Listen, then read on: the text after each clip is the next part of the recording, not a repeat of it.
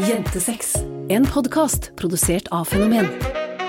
Jentesex med Camilla Lorentzen og Julie Visnes. Dette er Jentesex.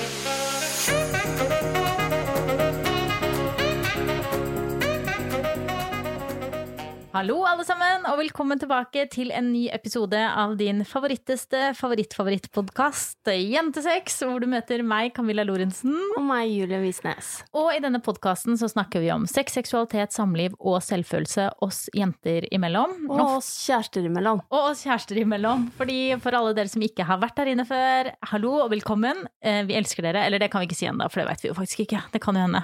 Det vet man aldri. You might be a creep. You might be a creep. You never know. Men eh, Julie og jeg er jo kollegaer, bestevenner og kjærester eller noe sånt nå.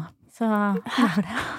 Jeg prøver å liksom tone Er det det nå fordi vi skal snakke om utroskap i denne episoden at du nå sier kjæreste eller noe sånt fordi Ja. du egentlig har tenkt å cheate på meg? Det kan jeg ikke svare på enda. Det må vi spare til litt inn i episoden. Da skal Aha. jeg definitivt avsløre om eh, målet mitt er å cheate på deg eller ikke. Men uh, per nå så kan jeg ikke svare deg på det, da.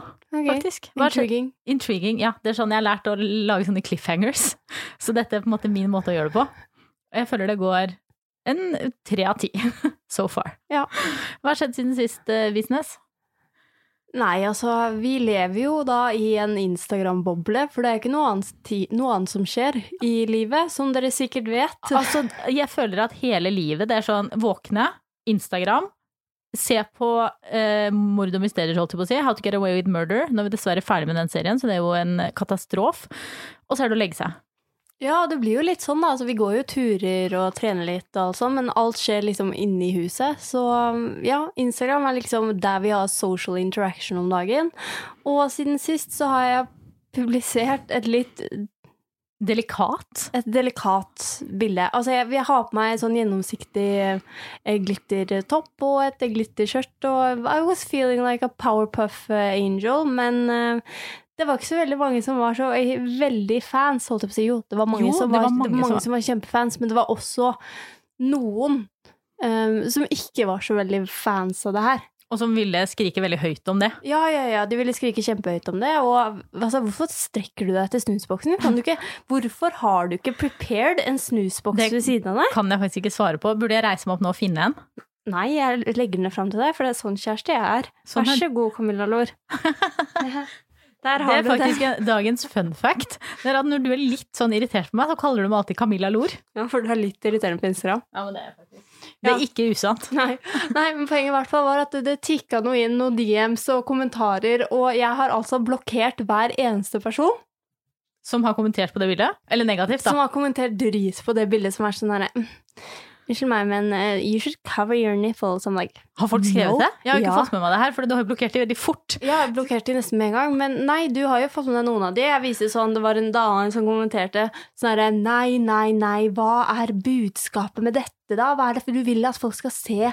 Sitte igjen med dette? Og jeg bare uh, A picture of my nipples on their fucking hornhinne. Var det Ja, eller Budskapet med disse bildene er jo litt sånn å inspirere mennesker til å gjøre what the fuck they want.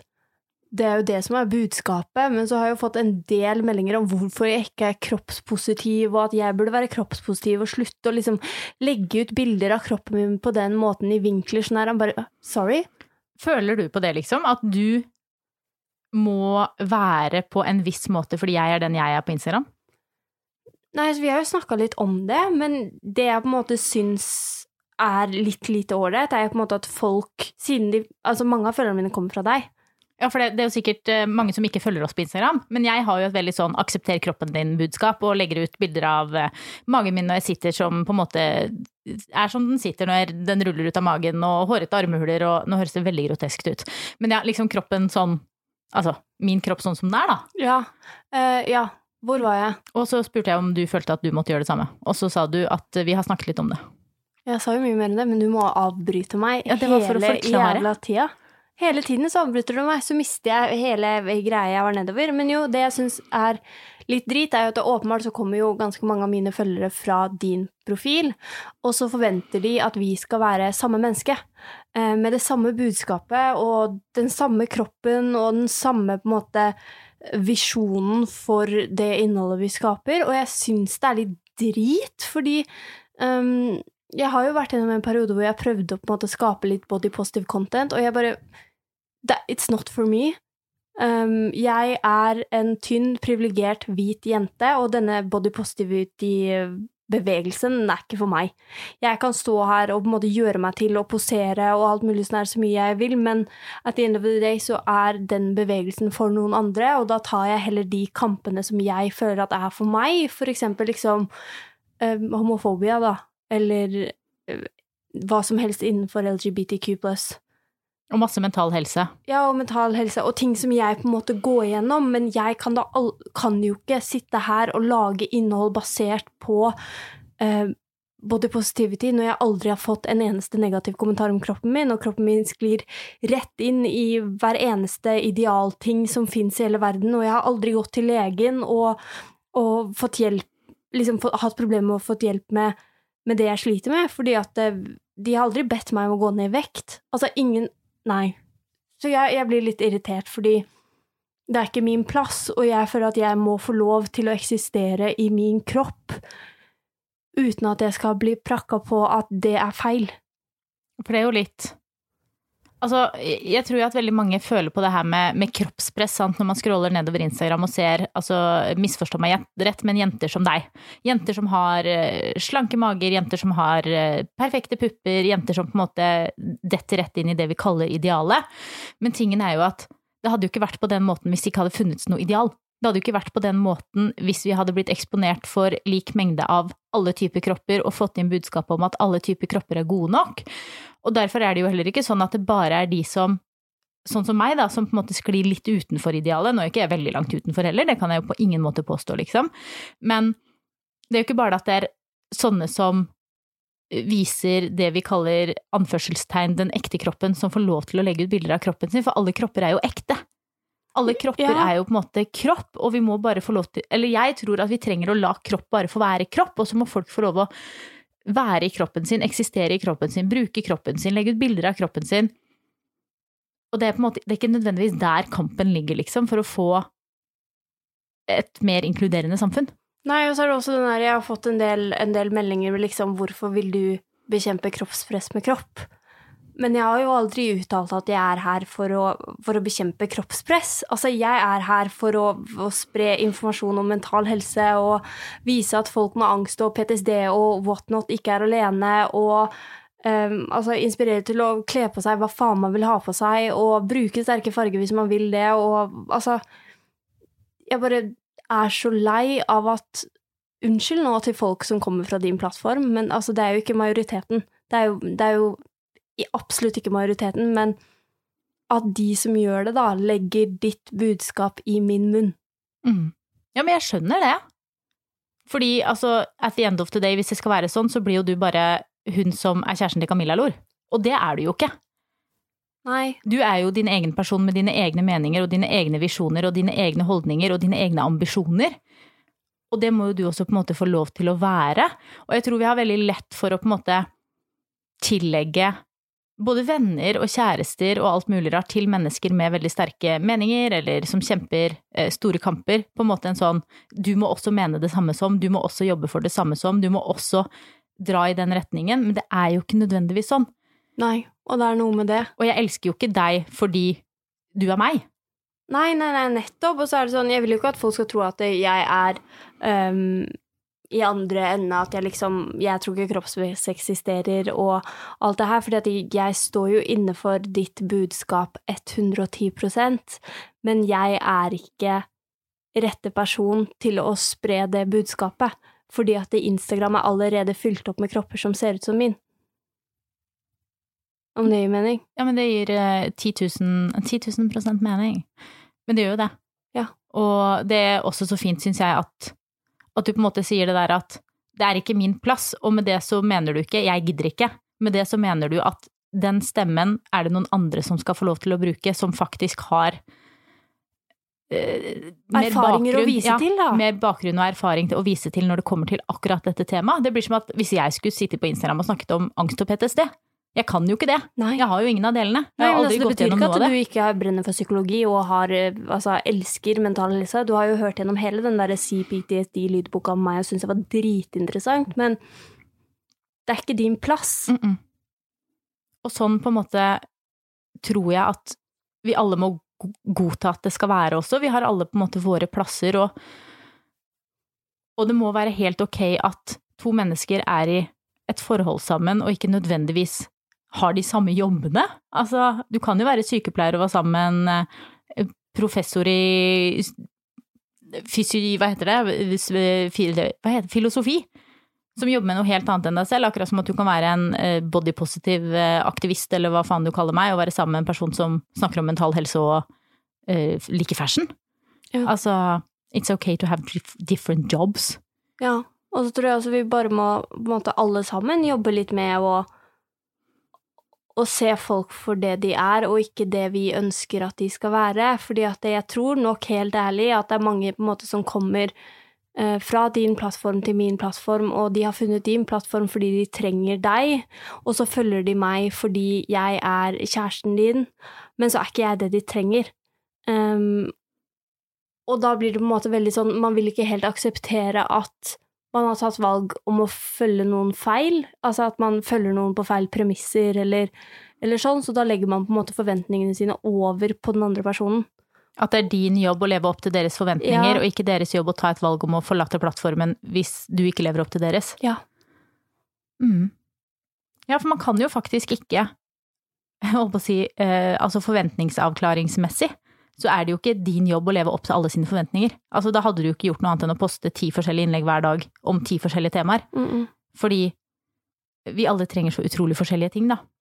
Ja, skikkelig. Og det er heller ikke Altså, vi snakker jo veldig mye om det her om å unfollowe folk i sosiale medier, og at det er ok å slutte å følge folk som ikke får deg til å føle deg bra. Og det er ikke sånn at du må tvinge deg selv til å fortsette å følge noen fordi du trodde da du begynte å følge dem, at de skulle få deg til å føle deg bra. Nei, og Hvis det du- gjelder jo på en måte Ja. altså, begge våre plattformer, liksom. Altså, hvis du på en måte fant Camilla sin plattform når du trengte Camilla sin plattform, men ikke lenger trenger Camilla sin plattform, eller hennes budskap, eller det ikke Altså, vi vokser jo. We're growing human beings, og Hvis det ikke resonnerer med deg favorittgodteriet lenger, ditt for liksom. ti år siden er noe annet enn favorittgodteriet ditt i dag, liksom. Og sånn er det med de folka du følger på Instagram òg. Så det er liksom Jeg tror bare må Vi må fjerne oss fra plattformer hvor vi ikke føler oss bra.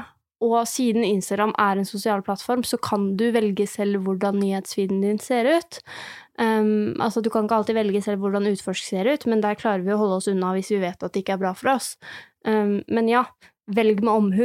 Mhm. Og slutt å følge også ålreite personer hvis de ikke får deg til å følge deg bra. Ja. Og det kan jo også være vennene dine, det kan være familie, det kan være hvem som helst. Du må på en måte ikke surrounde deg selv med mennesker eller profiler som, som gir deg en uggen følelse i magen, selv om du vet at de er gode mennesker. Ja, altså min profil gir meg en uggen følelse i ma magen, holdt jeg på å si, annenhver dag, så ikke tenk på det. Jentesex. Skal vi hoppe over, da? Til dagens tema. Ja. Jeg har lyst til å bare begynne med et spørsmål, jeg, da. Til meg? Ja. Å nei. Jo. Noe kleint? Nei! Noe flaut? Ja! Something deep? Ja, i hvert fall litt Jeg vet ikke om det er flaut, men det er jo på en måte litt sånn Kanskje ekkelt å svare på, jeg vet ikke. Er du redd for at jeg skal være utro? Mm. Nei. Ikke? Jeg har Nei. en avsløring. Nei, kødda. Bitch. Nei, altså, men nå skal jeg være skikkelig upolitisk korrekt, fordi det er jo ikke det det heter. Upolitisk korrekt. Politisk ukorrekt. Det er det det heter. Ja, ikke Åh. upolitisk Og jeg korrekt. har jo også en sånn her greie for å si det, og så har det jo blitt en sånn intern greie, og så det må jeg slutte med. Eh, nå skal jeg være skikkelig politisk ukorrekt eh, og si at det, I really don't like men, så hvis du vil ligge med en mann bak ryggen min, så that's a downgrade. Så sier det mer om meg enn om, deg, øh, om forholdet, liksom. ja, og jeg er altså ikke redd for at du skal ligge med en annen dame, Nei, ikke jeg heller. fordi at eh, du er så sykt Og dette var også politisk ukorrekt, men du er så sjukt ny i liksom the gay community, og det tar så lang tid for at du føler deg trygg. Um, så nei, jeg er ikke redd for det heller. Men så soler jeg på det i tillegg, da. Ja. Åpenbart. Men altså, for å fortsette ned den politisk ukorrekte lanen, da. Bare for å gjøre det sånn. Så er det jo en gang sånn at jeg er bifil. Ja. Um, er det på, på en måte Føler du at sjansene for at jeg er utro da er større enn hvis jeg hadde vært 100% lesbisk? Nei. Nei, absolutt ikke. Men det har jo måte Det er jo litt altså stigma rundt det å være bifil.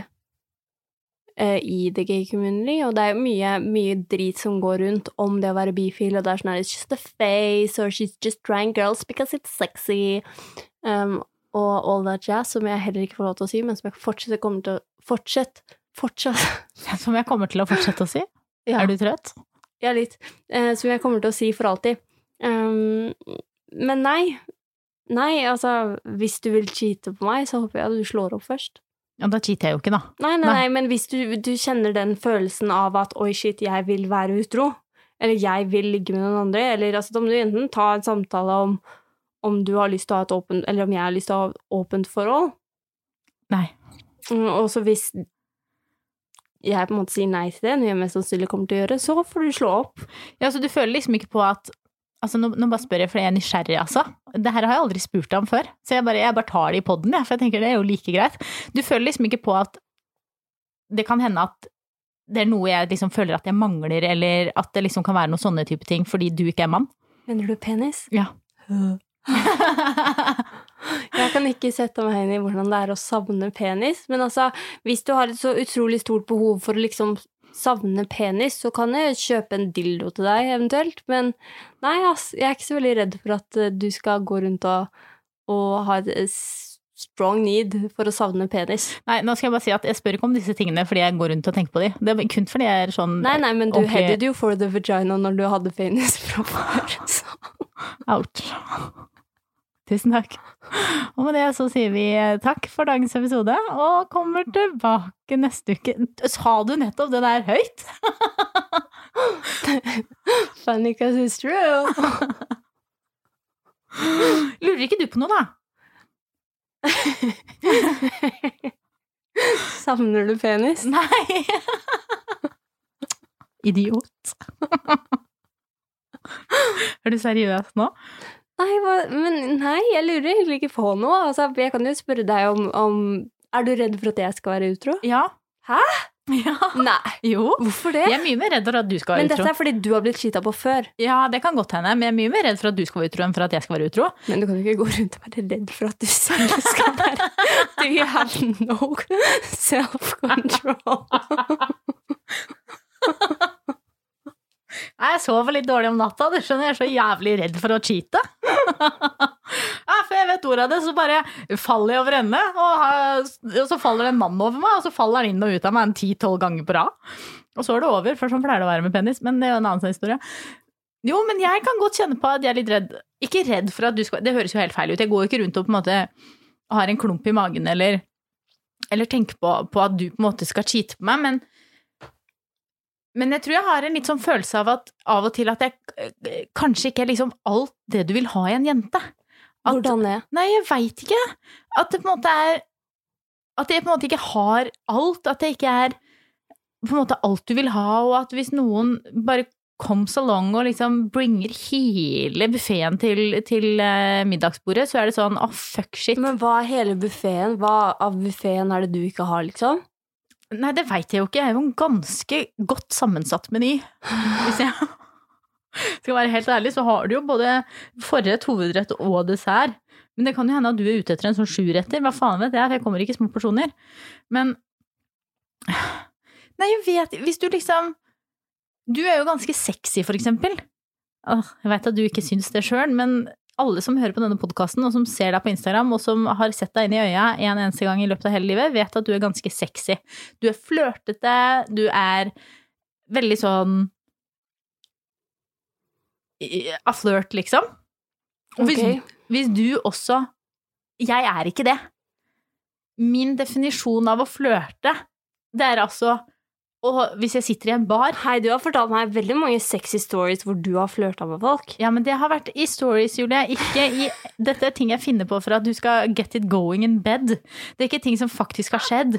Min definisjon av å flørte på byen, det er å sitte ved baren, ha øyekontakt i 0,2 sekunder og fnise. Men jeg har lært at du skal ha øyekontakt. I 0,2 sekunder? Nei, mer enn det. ja, det klarer jeg ikke. Og så avslutter jeg med å fnise, og så tenker jeg på hodet mitt dette blir bra. Så jeg, så jeg har jo ikke Men du måte er jo flørtete med meg. ja, Men det er jeg jo veldig trygg på. Og jeg er Ja, ikke veldig flørtete Men med hvis deg heller. jeg er ute etter noen som er flørtete, så har jo jeg flørten hjemme. Ja, Men har du det? Ja. Sånn 100% Ja, Hvordan hadde du reagert da hvis jeg hadde vært utro mot deg? jeg hadde slått opp med deg. Men På en gang? Ja. Det hadde ikke vært noe valg? Nei. Ingenting? Nei. Uansett hvor lite det hadde vært? Hva er Men da må vi jo først definere hva cheating er. Hva- Spør du meg? Det er å sende blunke-emoji på Messenger. Så da har jeg allerede cheata. Åpenbart så er det noe du vil ta opp. Det er veldig Men hvis det var med Sølve Da er det greit. Okay. Sølve er da vår beste venn. Ja, Ja. han er homofil. Ja, det må vi ikke si, vet du. Oh, nei, fordi det, For det sa jeg en gang, oh, ja. og det fikk jeg hate for på ja men, Jodel. ja, men jeg tenkte at det var viktig for konteksten, fordi at jeg flørter ikke med en straight man, jeg flørter med en gay man. Men du er jo også gay, så hvis du hadde flørta med en straight man, så hadde vel ikke det hjulpet for deg uansett. Nei, men jeg kunne jo led the straight man along. Det kunne du. Det kunne du. Det kunne du sikkert med Sølve også. ganger. Ja, det har du. Men, men det hadde, hadde det på en måte vært helt sånn ut og forbi? Men da sa jeg Ja. vi må først definere hva cheating er. Ja, hva er cheating for deg, da? Um, enten så er det liksom emotional cheating, hvor du liksom blir emotionally Men det kan man jo ikke kontrollere helt. Hæ? Man kan jo kontrollere om man emotionally cheater på noen.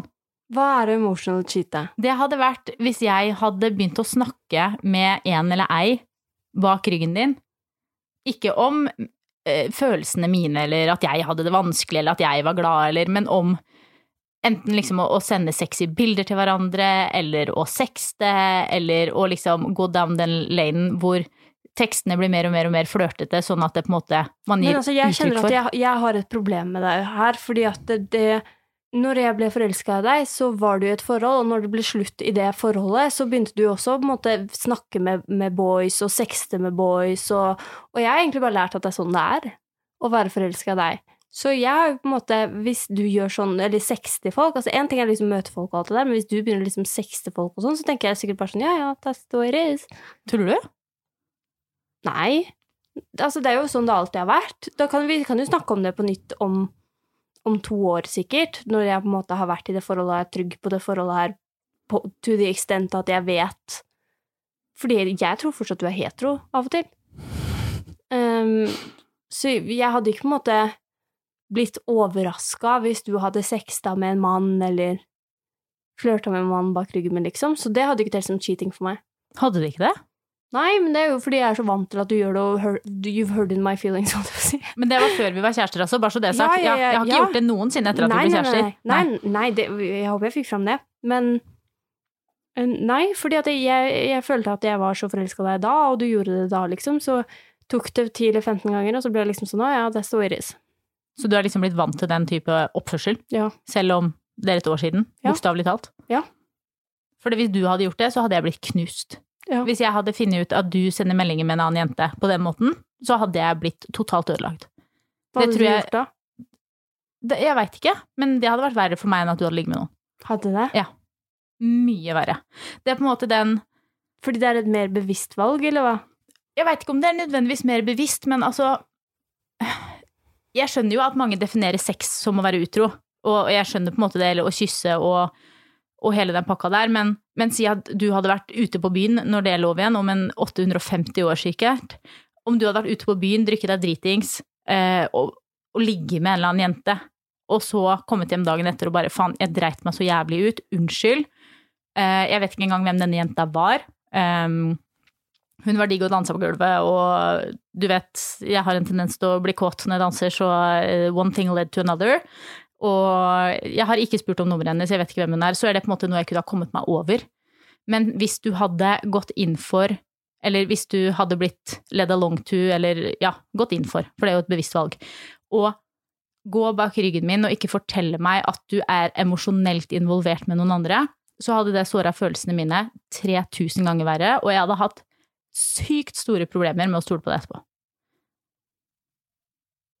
Det hadde på en måte Det hadde brutt det jeg føler er på en måte hele fundamentet i et forhold, som er tillit. Fundament Altså ja, sex er også en del av forhold, kyssing er også en del av et forhold, men liksom hele fundamentet for meg bygger på at vi stoler på hverandre, og at jeg kan legge Men hvordan, hele meg i dine hender uten å tro at du med vilje kommer til å gjøre meg vondt. men hvordan er å ligge med noen ikke et bevisst valg? Hvordan er det å på en måte være på byen og one thing led to another, bla, bla, bla, you were drunk, la, la, la. Hvordan, hvordan er det noe mindre et bevisst valg enn å snakke med noen på internett. Det er ikke nødvendigvis et mindre bevisst valg. Det, bare, det hadde ikke brutt tilliten for meg i like stor grad som Men- hvis du over tid hadde snakket med noen bak ryggen min og ikke fortalt meg om det. Men stoler du ikke Altså, hvorfor det? Det vet jeg ikke. Det, jeg bare Det har sikkert noe med at at jeg da føler at du har gitt deg hen til noen andre på en annen måte. Altså Nå sier ikke jeg at sex ikke også hadde ført til den følelsen, for det kan godt hende at, at det også hadde gjort det, men det er noe med den Når man snakker med noen sånn dypt om ting man ikke forteller kjæresten sin om eh, Hvis du hadde på en måte åpna deg opp til et annet menneske på den måten som jeg i et forhold forventer at du skal åpne deg opp til meg, og du holder meg utenfor det, og det er ikke på et vennskapelig plan, men på et flørtete eller seksuelt plan, så, så føler jeg at du ikke lenger er min. Da har du på en måte gitt deg til noen andre, og da, hvis du først har gitt deg til noen andre, så Men gir jeg ikke meg til noen andre hvis jeg ligger med noen på klubben? Jeg føler ikke at det er det samme. Hvis du gir deg til noen på klubben, så, så kjenner ikke det mennesket til dine innerste tanker og følelser. Det vet ikke hva som tenner deg. Det vet ikke hva du tenker på når du skal legge deg på kvelden. Det vet ikke hvordan du reagerer når du blir redd. Det vet ikke hva som skal til for å gjøre deg glad eller lei deg eller såra eller opprømt eller Altså, mens hvis man prater med noen som man Holder på, prater, liksom? Ja, prat, som man prater med en kjæreste, da, så vet jo et annet menneske det, og da tror jeg bare i mye større grad føler meg liksom replaceable. Som om at det vi har ikke er noe spesielt i det hele tatt, og som at det jeg har tenkt at er magien i det vi har, egentlig ikke eksisterer lenger, da. Mm. At det bare er oppspinn, og at alt jeg har trodd jeg har sett, ikke har vært virkelighet. Ja, det, det mening? Det gir mening. Men du føler det ikke på samme måte? Nei, altså, men det blir jo som jeg sa, da, snakk med meg om på en måte to år med den der sextinga og, og alt sånt her, så er det sikkert en helt annen case, men jeg vet ikke, jeg bare klarer ikke se for meg på noen som helst område at du hadde gjort det, og da klarer jeg heller liksom ikke å se for meg hvordan jeg hadde reagert, eller, eller sånn, fordi at den, ingen har noen gang vært utro mot meg. Så jeg har aldri gått gjennom det der. Jeg har heller vært den som på en måte har vært utro mot en person, typ. Hvordan føles det, da? Det føltes jo ikke bra. Jeg var jo, altså Nå må vi jo igjen på en måte kategorisere definisjonen på utro, fordi at det, det var en fyr i klassen min på videregående som jeg var på hyttetur med, og så kyssa jeg han. Og det var det. Og jeg stoppa midt i kysset og sa liksom sorry, jeg kan ikke det her, jeg har kjæreste, men det føltes fortsatt som jeg var utro. Um, men jeg sa det aldri til han. Til kjæresten din? Nei. Hva var det som gjorde at du følte at du var utro? Sikkert fordi jeg hadde lyst til å gjøre mer enn å kysse han, skjønner du? For det hadde ikke vært det samme hvis det hadde vært uh, spin the bottle. Kyss uh, Fredrik, og så gi han et nuss på bunnen, og så sette seg tilbake på plassen sin. Nei, altså som sagt så har ingen cheata på meg, og jeg vet ikke hvordan jeg hadde reagert, og jeg klarer ikke se for meg at du hadde gjort det, og det jeg på en måte klarer å se for meg, er at du hadde ligget med noen. Fordi at det har jeg på en måte Sett før, si. sett før. Så Throwback! Hashtag TV. Nei. Nei, så jeg klarer liksom ikke helt å kjenne på denne emosjonelle delen av det, fordi at jeg blir helt sånn der bare Hvis jeg prøver å tenke på seg sånn der, men why? Det kommer jo aldri til å skje uansett. Typ. Det er det jeg kjenner på hvis jeg blir sjalu. Mm. Det er jo ikke nødvendigvis at du skal ligge med noen. Det er jo at du skal Altså, jeg vet ikke om involvere er riktig ord, men liksom å Å liksom spill all your secrets til noen som ikke er meg. Fordi jeg har jo lyst til å være den ene. Ikke at du ikke får lov å prate med andre, altså, det er ikke det jeg mener. Du, altså, vi må jo få lov å ha venner og hele den pakka her, men Ja, men hvordan syns du det er? Ah, Med tanke på at jeg er lesbisk og har jentevenner. Eh, det er ok med noen, men andre som du for eksempel har vært litt på gamet før og sånn, så syns jeg det er litt rart. Mm. For det er jo på en måte en, en lita utfordring i eh, På en måte kanskje med det å være si ikke med det å være lesbisk, men, men du har jo primært jentevenner. Du har jo altså én guttevenn, og det er Sølve. Har jeg rett da? Ja. Um, så på en måte, siden jeg ikke kjenner de, jeg har aldri møtt de, eh, jeg har ingen på en måte referanse til hvem de er, eller Ja, for vi ble jo sammen i korona. Ja, så jeg har, jeg har jo ikke møtt disse, alle disse jentene, og det hadde sikkert vært annerledes hvis jeg hadde kjent de. Fordi det er noe med at altså det er sikkert en falsk trygghet, liksom, men med en gang du møter et menneske og får en relasjon til de, så føler jeg at det fins en lojalitet der fra på en måte både deg og, og henne, da, hvis det gir mening. Um, så jeg kan kjenne litt på det hvis du snakker med noen av de som jeg vet at du har vært litt grann på gamet før, at jeg syns Eller jeg tenker inni meg at terskelen for at du skal åpne deg opp til de, eller, eller på en måte gå, gå lenger enn du ville gjort med en venninne, eller er på en måte større. Sånn at det er litt mer risikosport for hjertet mitt. Men tror du dette sitter igjen fra at du har blitt cheata på? Helt sikkert. Um, Eller har du noen gang kjent på disse følelsene før du ble cheata på? nei, egentlig ikke. Eh, tror jeg. Men jeg husker jo veldig dårlig sånne type ting. Da. Jeg er jo ikke den som akkurat tar med meg emosjonsminner så godt videre. Jeg har alltid hatt en liten sånn vond, uggen følelse i magen av jenter jeg har syntes har vært penere enn meg selv, for eksempel. Jeg husker på, på videregående hvor jeg hadde kjæreste, eh, og han var kompis med noen av mine venninner som jeg tenkte at var penere enn meg. Så syntes jeg det var ubehagelig hvis de hang sammen uten at jeg var til stede. Noe som jo skjer hvis man fester og, og hele den bøtta der. Men jeg har jo sikkert blitt litt Eller fått noen arr etter å på en måte ha, ha blitt cheata på over en lengre periode, og spesielt med mye av det her gå bak ryggen, for det, det er det som på en måte er det verste, det der å bare bli forrådt. Ikke det der Altså, det er liksom en så sinnssykt vond følelse, det der å, å føle at det du har trodd på, bare er en illusjon, og at det mennesket som du har gitt deg fullt og helt til, ikke er det mennesket som du trodde at det var, og at det mennesket ikke har gitt seg fullt og helt til deg, men bare sånn du kan få litt, og så deler jeg resten til eh, alle måkene som vil ha her ute. Ikke at jeg sier at jenter er måker, men du skjønner hva jeg mener. Så det kan godt hende at det på en måte henger litt igjen, i hvert fall i de følelsene og tankene som dukker opp når jeg står i det, da. At det er litt sånn Jeg syns det blir litt vanskeligere enn det nødvendigvis trenger å være. Mhm. Tror du det? Nei, altså, jeg, jeg vet ikke, men jeg vet jo at ting altså sitter igjen. Og det gjør det jo alltid fra på en måte flere forhold, og det er på en måte andre aspekter eller ting eller whatever man skal kalle det, som sitter igjen hos deg fra tidligere forhold som vi har snakka om tidligere. Um, så at det ikke skulle henge igjen når andre, altså mindre, forholdsmessig mindre, ting henger igjen, er jo rart. Mm. Jeg tror jeg har en sånn For eksempel med å Altså, vi har jo innloggingen til hverandre på Instagram, fordi Mm. vi sjekker jo på en måte bildene til hverandre, liksom hvordan de har gått, og rekkevidde og alt mulig sånn. Så jeg går aldri inn i innboksen din. Fordi jeg får, jeg får en uggen følelse av det. Really? Ja. Og her setter du meg på å svare på meldingsforespørsler. Ja, det, altså på, i mine meldinger, ja. Ja, der må du gå inn så mye du vil. Altså, det driver jeg jo blanke faen i. Jeg prater jo ikke med noen. Men, men, Men jeg prater jo ikke med noen, jeg heller. Nei, men jeg får fortsatt en uggen følelse i magen, for tidligere når jeg har gjort det, så har det ligget ting der som jeg ikke har vært ment å skulle se.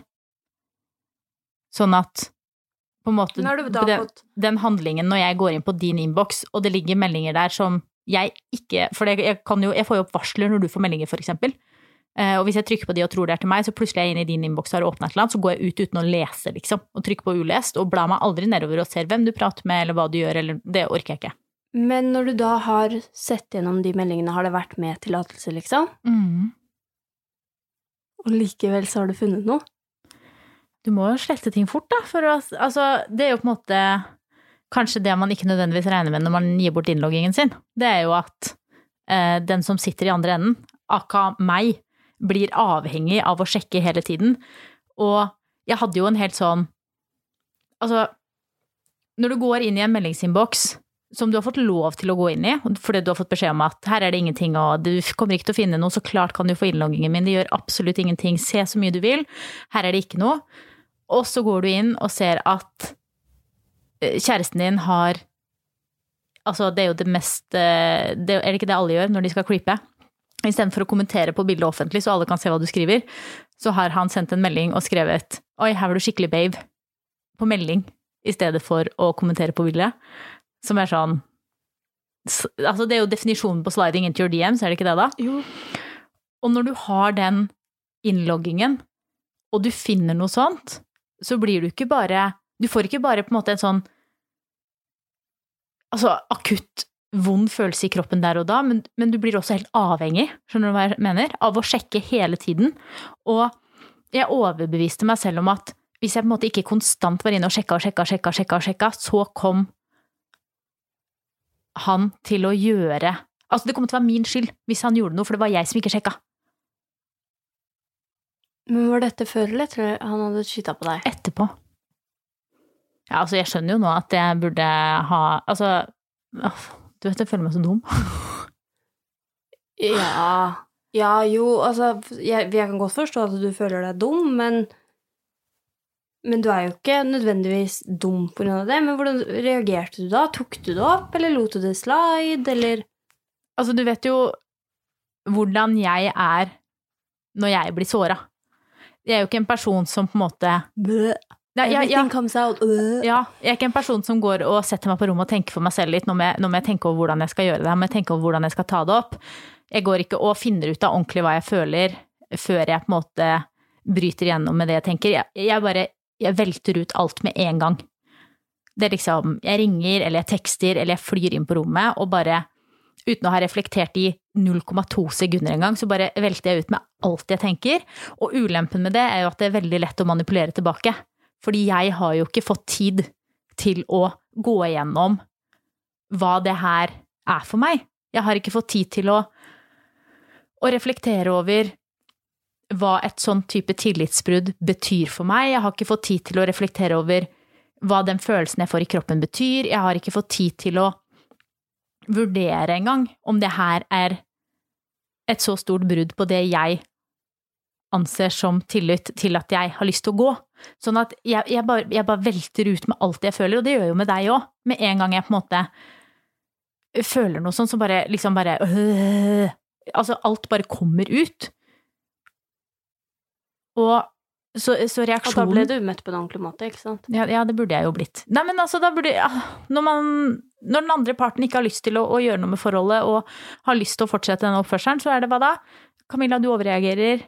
Eh, det var ikke sånn det var ment i det hele tatt. Ja, jeg skjønner at du Det er jo det beste. Jeg skjønner at du ser det på den måten. Unnskyld for at jeg gjorde det. Det var ikke sånn ment. Og når du da på en måte ikke har, har rukket å, å gå gjennom, så tar du imot den unnskyldningen Eller jeg tok i hvert fall imot den unnskyldningen så utrolig lett, da. Ja, men jeg tror ikke nødvendigvis altså Som for meg, da, for min del, og, og hvordan det hadde vært for meg hvis du hadde skyta på meg, liksom, så er det jo Det er veldig lett for meg å sitte her og si at jeg hadde bare gått fra deg. At jeg hadde bare eh, pakka sakene mine og dratt. Men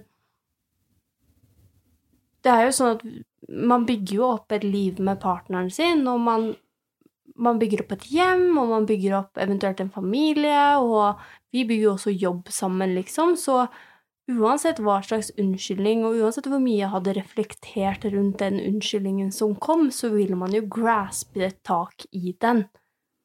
Altså, man vil jo Jeg ser i hvert fall for meg at jeg da ville tatt tak i den unnskyldningen med begge hendene, bare sånn fy faen, jeg overreagerer. Takk Gud. Ja. For at det var det som Takk skjedde her. Takk Gud for at dette skjedde, liksom. At, at, jeg tok det opp, fordi at åpenbart så er det bare jeg som overreagerer, og jeg slapp å kaste hele forholdet mitt ut av vinduet, thank God. Så hadde jo det vært lettere enn hvis eh, den andre personen var ærlig, hvis det var noe å være ærlig om. Jeg har faktisk ikke tenkt på det sånn før. For det er jo litt som, altså Hvis noen andre hadde kommet til meg og fortalt at sånn er forholdet mitt, så hadde jeg jo sagt altså red flags, red flags everywhere. Eh, det er en stor rød tankskip på vei rett inn i, i Suezkanalen, altså vi må stoppe det, liksom. Men når det var mitt eget forhold, og når det er, hvis det hadde vært vårt forhold, så er det jo ikke bare det jeg ser. Jeg ser jo et bitte lite rødt flagg i en maurtue midt i hele den skogen, som er livet vårt. Og det var i hvert fall Altså, jeg skulle ønske jeg kunne si at jeg sto på mitt og, og gikk og alt var Altså, I was a badass bitch, I always say that I am. Men det var jo ikke sånn i det hele tatt. Jeg ville jo bare at det skulle bli bra. Og jeg ville jo at alt det her skulle slutte. Jeg ville jo at at jeg skulle være prinsessa i historien. Og så er det jo sikkert helt feil å si, og i hvert fall ganske skamfullt å si, men etter å ha oppdaget noe sånn, så ble jeg jo også behandla sykt bra. Jeg fikk den oppmerksomheten jeg ønska meg, jeg ble behandla på den måten jeg ønska meg, jeg fikk den sexen jeg ønska meg, altså alt var liksom sånn som jeg skulle ønske at det var. Så etter hvert så håpet jeg jo at jeg kom til å finne noe sånn at jeg kunne starte en krangel sånn at det skulle bli bra en periode. Skjønner du det? Eller er, Ja, det, er jeg nei, bare veldig rar? Nei, du er absolutt ikke rar, og og sånn er det jo i på en måte abusive relationships in general. Altså, nå skal ikke jeg sammenligne det jeg har vært gjennom, med det du har vært gjennom, men man blir jo behandla på en annen måte etterpå. Og sånn er det jo på en måte uavhengig av hva slags dysfunksjonelt forhold man befinner seg i, og man vil jo ha det bra.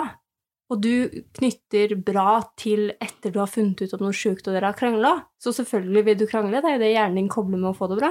Mm. Det er ikke rart. Ikke at jeg er en psykolog og kan uttale meg om det her sånn egentlig, men i hvert fall det som gir mening i hodet mitt, da. Mm. Tror ikke du? Jo, jeg bare syns det er så Altså rart å tenke på at det faktisk var sånn jeg var.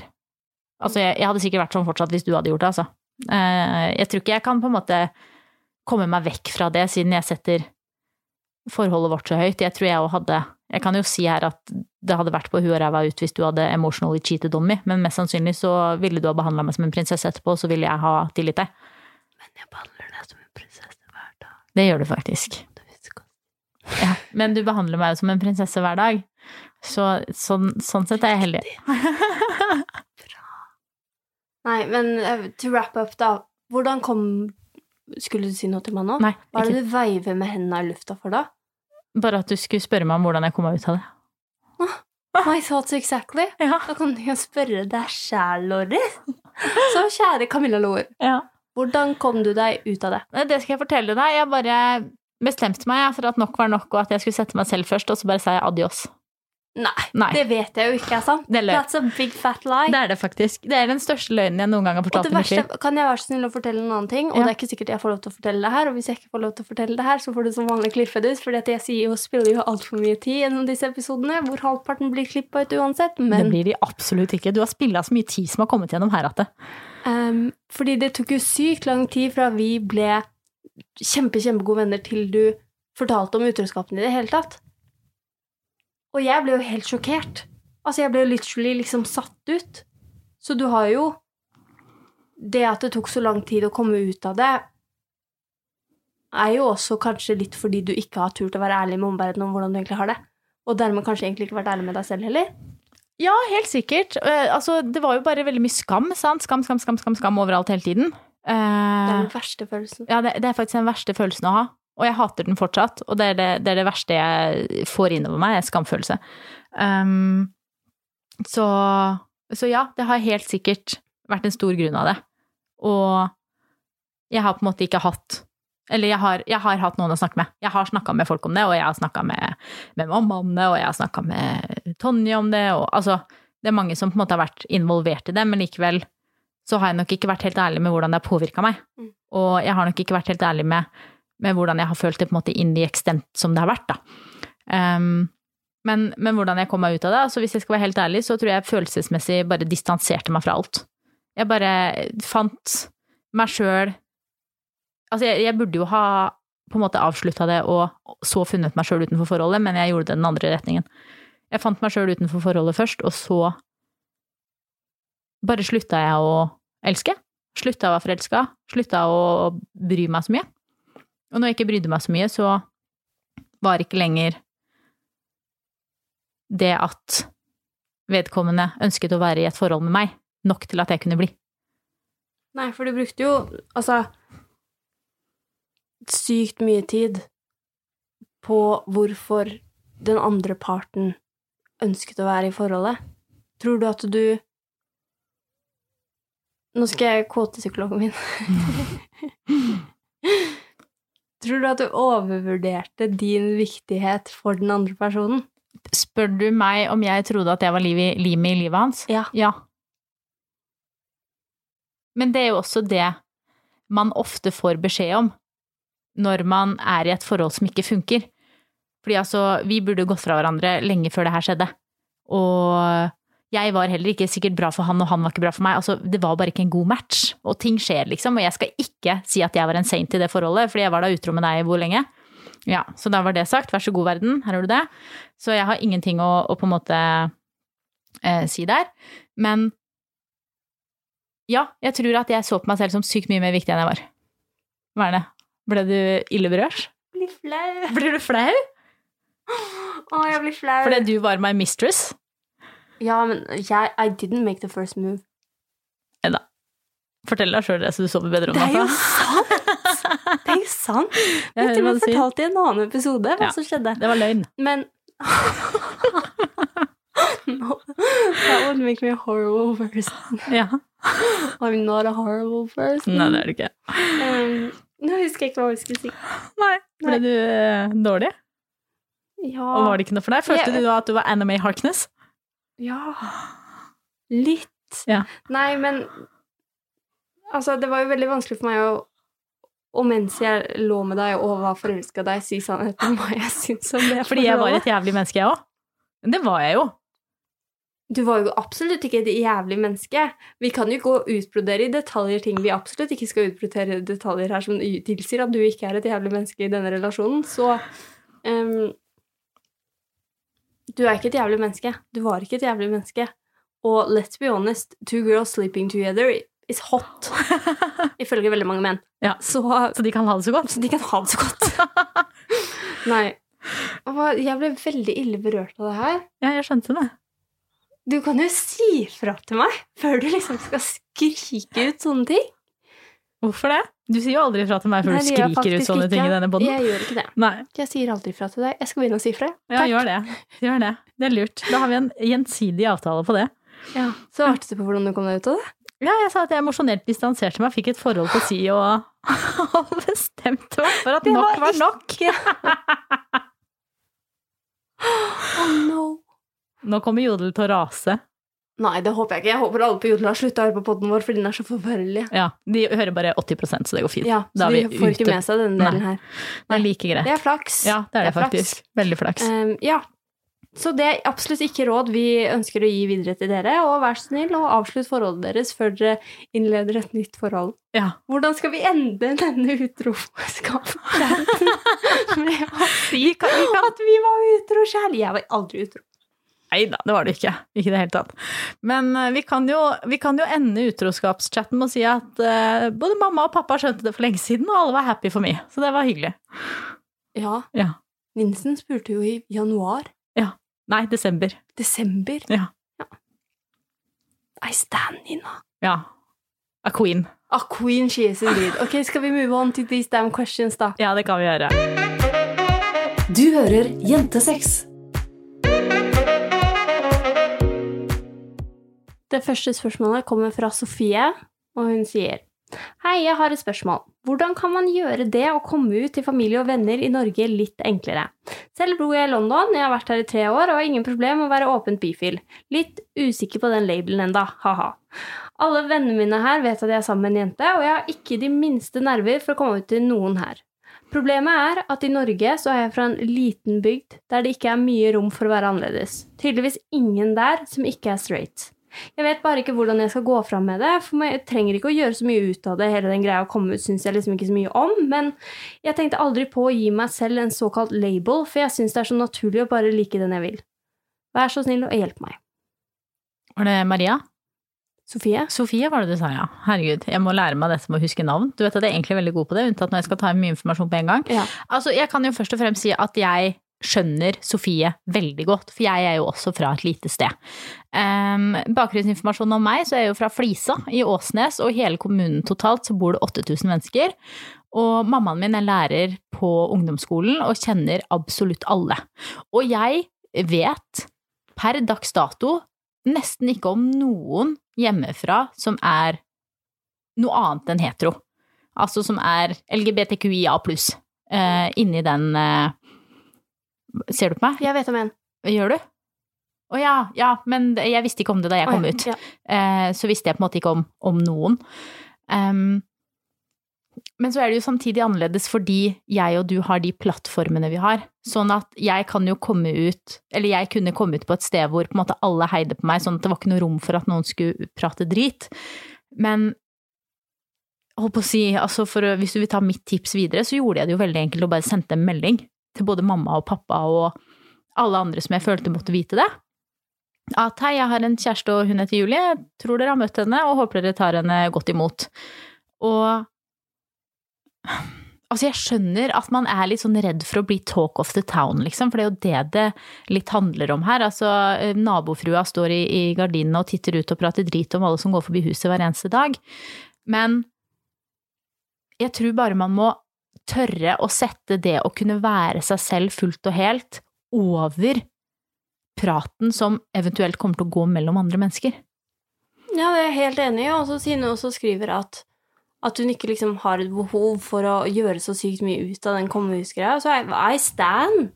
Um, målet må jo være til slutt at vi, ingen av oss trenger å komme ut, men jeg også gjorde jo bare det. Jeg har jo heller aldri kommet ut til noen. Jeg sendte bare melding til familien min når vi ble sammen og sa hei, um, jeg, har, uh, jeg og Camilla er kjærester. Um, gleder meg til dere får hilse på henne. Ja, for jeg var jo ikke noe sånn hei, alle sammen, jeg, jeg har, har en, en announcement, announcement to to make. Jeg er et eller annet. Altså, kan du ikke bare på en måte prøve å holde hele den labelen litt utenfor? Altså, vi er jo ikke disse boksene vi setter oss inn i uansett. Om du setter deg inn i en bifil-boks nå, og en lesbisk boks senere, og en panfil-boks en annen gang, så har jo ikke det noe å si. Jeg vet jo ikke engang hva jeg er ennå. Nei. Og det, det har jo ingenting å si, For fordi at det- du er forelska. For alt jeg vet, så er jeg Tyrannosaurus rex. Dette er min humor, og det er så teit. Vær så god, jeg fikk dere den servert rett i øret. Jeg håper noen lo. Hvis du lo, send meg en melding på Instagram, sånn at vi kan bonde sammen over tørr og dårlig humor. Men ja, jeg har jo aldri på en måte sendt melding til mamma eller pappa eller noen og sagt at jeg er bifil. Jeg har jo bare sendt melding og sagt dette er kjæresten min. Og for meg så var det i hvert fall en veldig fin måte å gjøre det på, fordi da slapp jeg også å definere meg sjøl. Og så var det mamma sa at det var noen som spurte om du var lesbisk eller bifil. Jeg sa at du bare forelska deg i folk, ja, og sånn var det med den saken. Og det er liksom Ja, så det tror jeg Julie gjør òg. Så det er litt sånn, da kan, da, da kan de som prater få lov til å definere hva faen de vil. Altså, de kommer til å prate uansett. Hvis det er noen som har lyst til å prate om deg, så kommer de til å prate om deg uansett om jenta Nei, øh, uansett om kjæresten din heter Marie eller Gustav. Altså, de kommer til å ha noe å si, men tingen er at det angår ikke deg. Hva andre synes om deg, er ikke din business. Hva andre sier om deg, er ikke din business. Det er deres business, og den får de holde på for seg sjøl. Ja, og så bare Oddsen for at familien din kommer til å gjøre noe annet enn å elske deg, er jo forferdelig lav. Um, og du har jo også en kjæreste. Herregud, len deg litt på henne. Ja. Len deg litt på henne, og på en måte se for deg at de folka du har møtt i London, som støtter deg, og som du har null stress med å si at du har jentekjæreste foran, og bare se for deg at det er mennesker som er glad i deg, og det er de hjemme òg. Og de som ikke er glad i deg, altså, who the fuck cares about them? Yes, queen. Så det er vårt råd i dag. Bare send melding og si hva kjæresten din heter. Og så får de finne ut av resten sjæl. Men kan de ikke det? Jo. Jo. Jo. Noe mer enn det. Så mye mer innvikla enn det eh, trenger det ikke å være. Jeg skjønner at det kan være mer innvikla enn det, men eh, det er i hvert fall en måte å gjøre det på. I agree. I dag er vi faktisk så blessed at vi har to spørsmål. Wow. Are you excited to use your brain once again? I am very excited to use my brain once again. Den har ikke blitt brukt på en stund, men jeg skal se om jeg klarer å starte den opp. Bum, bum, bum, Bra. Den er jeg på. Det neste spørsmålet kommer fra Frida. Frida. Hei, Frida. Frida. Frida. Husker du det nå? Ja. All right. Hva sier Merete? Hei. oh. nå har du den humoren igjen. I need a break. Ok. Hei, søte dere. Dette er kanskje litt innviklet, men jeg prøver likevel. Jeg har hatt en kjæreste i et helt år nå, og han er bare helt fantastisk. Men det er en ting som plager meg, at jeg fortsatt er ukomfortabel med foreplay når vi skal ha sex. Jeg føler nemlig at han ligger og studerer ansiktet mitt for å se om jeg nyter det når han tar på meg. Det føler jeg at du gjør noen ganger òg. Jeg har tatt det opp med han, men jeg syns jo ikke at han skal ligge i blinde og ta på meg. Jeg tror kanskje tanken på at han ser etter nytelse gjør at jeg føler litt press på å nyte det. Samtidig er jeg ikke så veldig fan av å fortelle hva han skal gjøre, ikke gjøre, så det gjør det jo litt verre. Ikke får jeg til å komme foran han heller. Og jeg er veldig redd for at han ikke føler seg bra nok. Har du noen tips til hva jeg kan gjøre? Det var ikke meningen å le Nei, men du var så søt, Ja. Frida. Det var bare derfor. Det var mest måten Julie leste det på. Og det gjør det kanskje ikke så lett, det heller. Det, det, altså, jeg skjønner Frida veldig godt. Jeg òg føler at du Jeg hørte at du sa at du føler at jeg ligger og studerer deg, men jeg føler også at du ligger og studerer meg. Hvor da? Når vi ligger. Hvordan da? Nei, jeg veit ikke. At du liksom ligger og ser på meg, og, og sånn spesielt så føler jeg Altså, nå skal jeg eh, spille som ti her, men jeg føler at det betyr at jeg kan ikke lukke øynene. Og jeg liker veldig godt å lukke øynene når vi har sex. Og du Hvorfor kan liksom du ikke lukke øynene? Mm? Jeg lukker øynene hele tida. Ja, jeg vet at du gjør det, og Kan det er helt greit for meg. example? Nei. Men kan vi nå slutte å snakke om oss og begynne å svare Ja, på men jeg driver jo med det. Okay. Og jeg skjønner godt at Frida kan synes at det er ekkelt, for jeg føler ikke helt at alltid at jeg kan gjøre det jeg vil når du ligger og ser på meg, for jeg Hvorfor føler at du forventer du noe. Å, har du ikke fortalt dette før? Jeg vet ikke, jeg har ikke følt det var riktig anledning. Nei, du Nå var vi endelig, nå var vi endelig i riktig fora for å ta det opp. Du tuller. Så derfor så kan jeg av og til tenke at jeg helst vil slå av lyset, fordi da kan jeg bare gjøre det jeg vil. Men det handler jo ikke om noe annet enn det. Men jeg skjønner Frida. Det er det jeg prøver å si her. Og du trenger ikke å sende meg stygge blikk nå. Da gjør du det vanskelig for meg å ta opp ting seinere, Julie. Det skjønner jo du også. Nå må du si sarkasme. Nei, dette var ikke, Si sarkasme. det var ikke sarkastisk. Det var det vel! Åh. Aldri mer skal vi spille inn etter klokka elleve på kvelden. Men jeg tror at det Det jeg må gjøre, da, i hvert fall, det er jo å prøve å aktivt drite i at du ligger der og molstirrer meg i trynet. Og lukke øya hvis jeg har lyst til det. Og på en måte nyte på min egen måte og ha sex på min måte, selv om du ligger og, og leter etter gull i øya mine. Og ser etter om de glitrer i sola. Hvorfor har du lagt hodet ned på kommoden? Hvorfor ligger du der? Du kan ikke bare si at du ikke orker mer. Vi skylder Frida et ekte svar. Hva er ditt svar, da? Du sa jo at du føler det samme. Ja, men jeg føler jo ikke at du leter etter gull i øya mine og stirrer meg to death, så jeg blir ukomfortabel og ikke kan ha sex med lyset på. Nei. Så jeg, mine følelser er feil. er det det du prøver å si? For det er Nei. gaslighting. og det er ikke lov. Hvis noen lurer, så er det faktisk akkurat sånn som det er her. Mine og Julie sine samtaler pleier å gå. Jeg sier noe, får det her tilbake. Det er ikke usant. Det. Nei, herregud. Men hva skal Frida gjøre, da? Først kan hun prøve å lukke øynene. Og så kan hun prøve å ta det opp med kjæresten sin, helst ikke i en offentlig podkast. Å nei. Hun har jo tatt det opp med kjæresten din flere ganger. Han fortsetter jo å lete etter gull. Men kanskje han syns det er skikkelig digg, da? Kanskje han blir skikkelig tent av å se på henne fordi hun er så deilig? Det er jo ofte det. Det er ofte det som er grunnen til at vi ser på partneren når, når vi har sex. Det er jo ikke det som skjer oppi mitt hode, som er at du prøver å se etter at jeg nyter, det er jo at du nyter å se på meg. Ja. Det er jo liksom the other way around.